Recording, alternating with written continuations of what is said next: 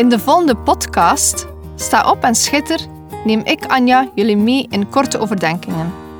Als christenvrouw, moeder en echtgenote wil ik bemoedigen en aansporen om op te staan en te schitteren.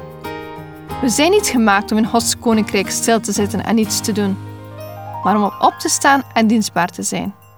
In de eerste plaats tegenover God, daarna tegenover ons gezin, onze partner of onze geloofsgenoten. En als gevolg zullen we dan ook schitteren in de wereld. Neem je Bijbel bij de hand, want zonder Bijbel zijn we als een kok zonder eten of een zanger zonder stem. Dus luister naar, sta op en schitter.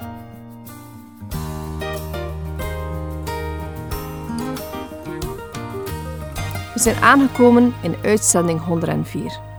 Vorige week had ik over de geestelijke oorlog en het belang van het dragen van de wapenuitrusting die beschreven wordt in de brief aan de Efeze. Toen ik bezig was met het maken van die podcast, werd ik sterk bepaald bij gebed en smeking.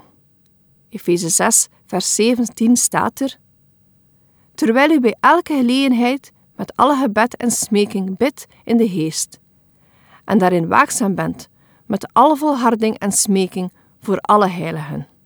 Gebed is een belangrijk wapen. Of sterker nog, ik denk zelfs dat we dit het belangrijkste wapen mogen noemen die wij als christenen hebben gekregen van God. Door gebed is een christensoldaat in voortdurend contact met zijn aanvoerder Jezus. Dit is belangrijk in een oorlog. Het zou nogal in het honderd lopen wanneer een leger ten strijde zou trekken en iedereen zijn eigen ding zou doen zonder te luisteren naar de aanvoerder. De aanvoerder is de persoon die de vijand beter kent dan wie ook. De aanvoerder bestudeert de vijand goed, om zodoende zijn aanvalstactieken te kunnen herkennen, zodat de juiste verdediging of aanval kan gedaan worden.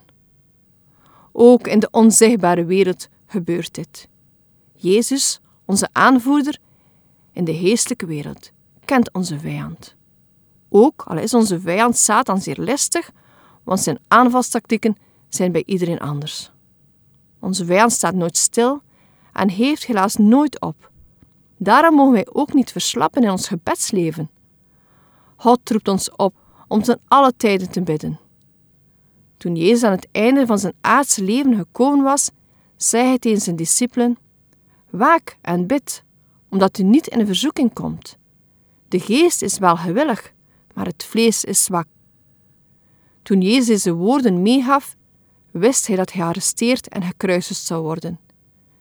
Hij wist hoe zwaar het voor de discipelen zou zijn en spoorde hen daarom aan met deze woorden: Waak en bid, omdat u niet in verzoeking komt.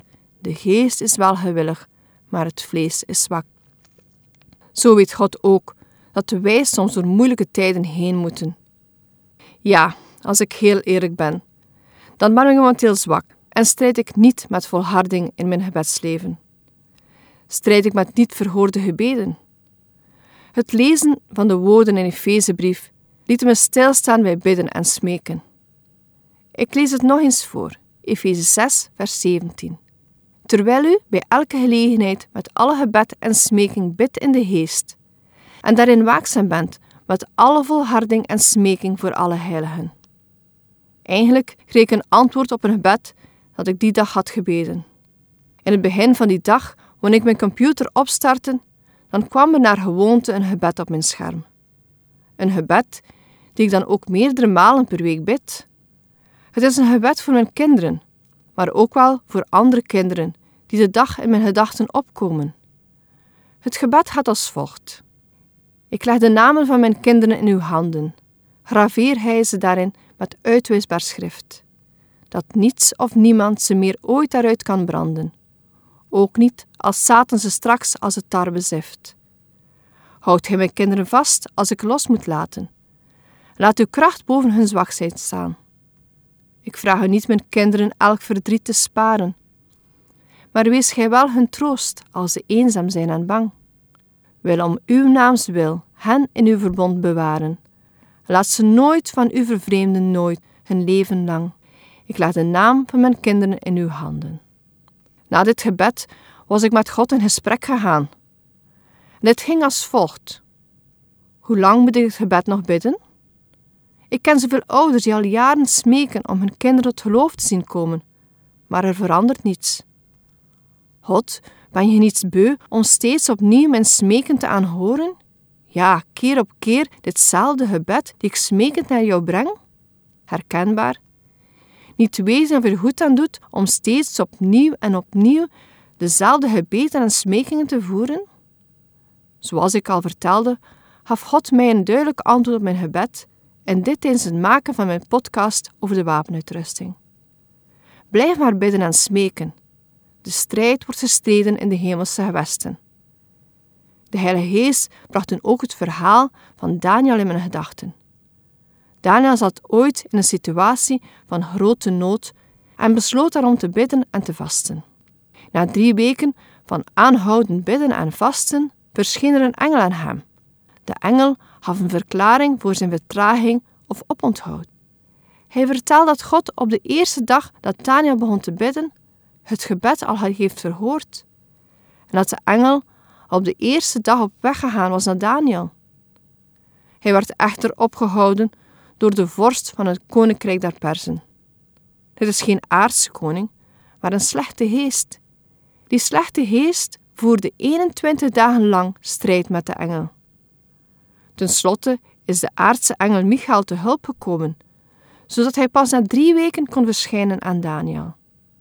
Dit is een prachtig voorbeeld van de geestelijke wereld en dat het goed is om niet op te geven met bidden. Zoals jullie waarschijnlijk al weten uit mijn vorige podcast, ben ik een biddende moeder. Een bediening die ik binnen de kerk zeer belangrijk vind. Ik was zo verheugd om te zien dat mijn nieuwe kerk ook een groepje was van moeders in gebed. Iedere maand op dinsdagnamiddag komen ze steeds samen. Helaas, door mijn huidige job lukt het niet om daarbij aan te sluiten. Dit voelde als een groot gemis en wist niet goed of ik er verder iets moest mee doen. Het was al 18 jaar een onderdeel van mijn bediening en ik had al twee groepjes mogen leiden, maar nu door verhuis en werk stond ik er alleen voor. Geen groepje waar ik samen mee kon strijden. Gedachten als een tweede gebedsgroepje start op een avond kwamen wel eens in mij op. In mijn gedachten legde ik al snel andere prioriteiten en legde die gedachten opzij. Maar toeval bestaat niet. Op diezelfde dag, wanneer God tot mij sprak over bidden en smeken, kreeg ik een telefoontje van de coördinatrice van Moeders in Gebed België. Ze wilde weten of ik nieuws had van het groepje die ik geleid heb in Brugge en hoe het nu met me ging in Ieper.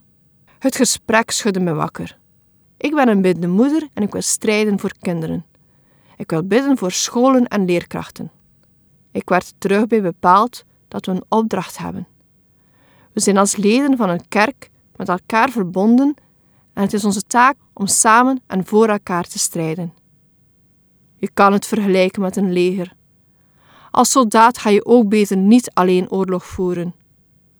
We moeten ons opstellen als een leger.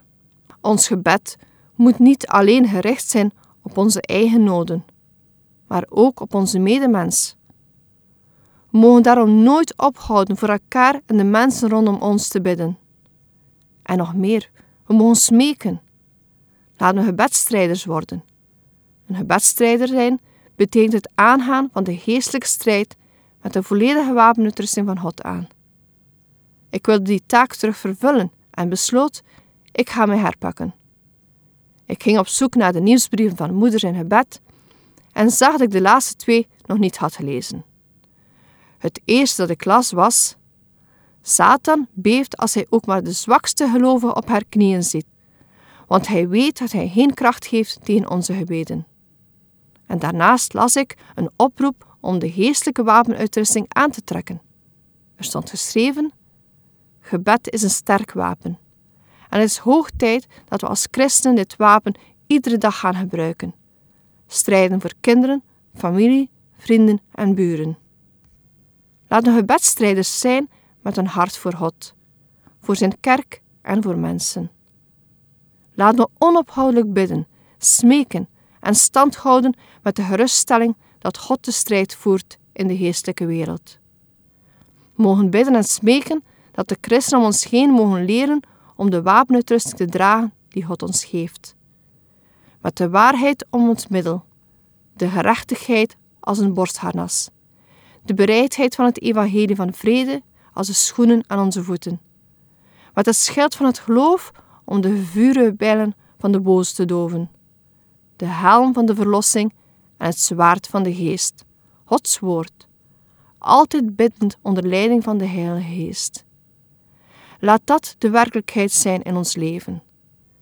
Denk ook aan de woorden van Jezus: waak en bid, omdat u niet in verzoeking komt. De geest is wel gewillig, maar het vlees is zwak. Laten we vandaag opstaan in gebed en smeking doen, zodat we in de wereld kunnen schitteren. Deze podcast kun je steeds opnieuw beluisteren via de website en app van twr.be. Als je deze aflevering leuk vond en je wilt de podcast helpen ondersteunen, deel hem dan met anderen. Heb je gebed nodig of wil je reageren op deze uitzending? Zend dan gerust een mailtje naar anja.twr.be. Bedankt voor het luisteren.